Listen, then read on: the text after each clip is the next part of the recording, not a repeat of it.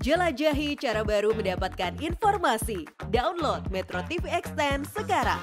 Jelang Pilpres 2024, Majelis Permusyawaratan Rakyat (MPR) kembali mengemukakan isu amandemen Undang-Undang Dasar 1945. Ada lima poin rencana pembahasan, salah satunya mengembalikan MPR sebagai lembaga tertinggi negara, di mana nantinya MPR yang akan memilih presiden bukanlah rakyat. Isi amandemen Undang-Undang Dasar 1945 disampaikan Ketua MPR Bambang Susatyo usai bertemu dengan Presiden Joko Widodo di Istana Merdeka pada 9 Agustus 2023.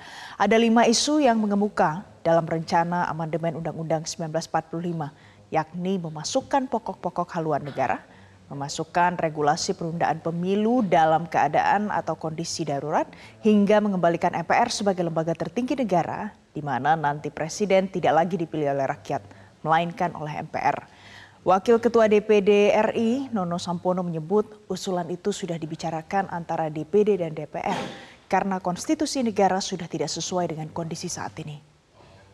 Penandatanganan berita acara pelantikan oleh Presiden Republik Indonesia dan Wakil Presiden Republik Indonesia. Ada hal yang sama dan ada hal yang berbeda.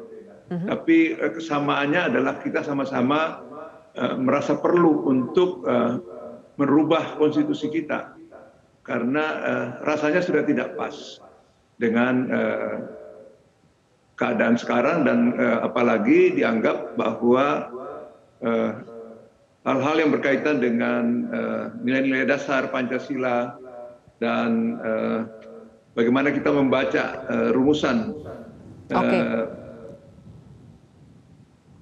sistem bernegara yang dibuat oleh para pendiri bangsa pada saat itu kita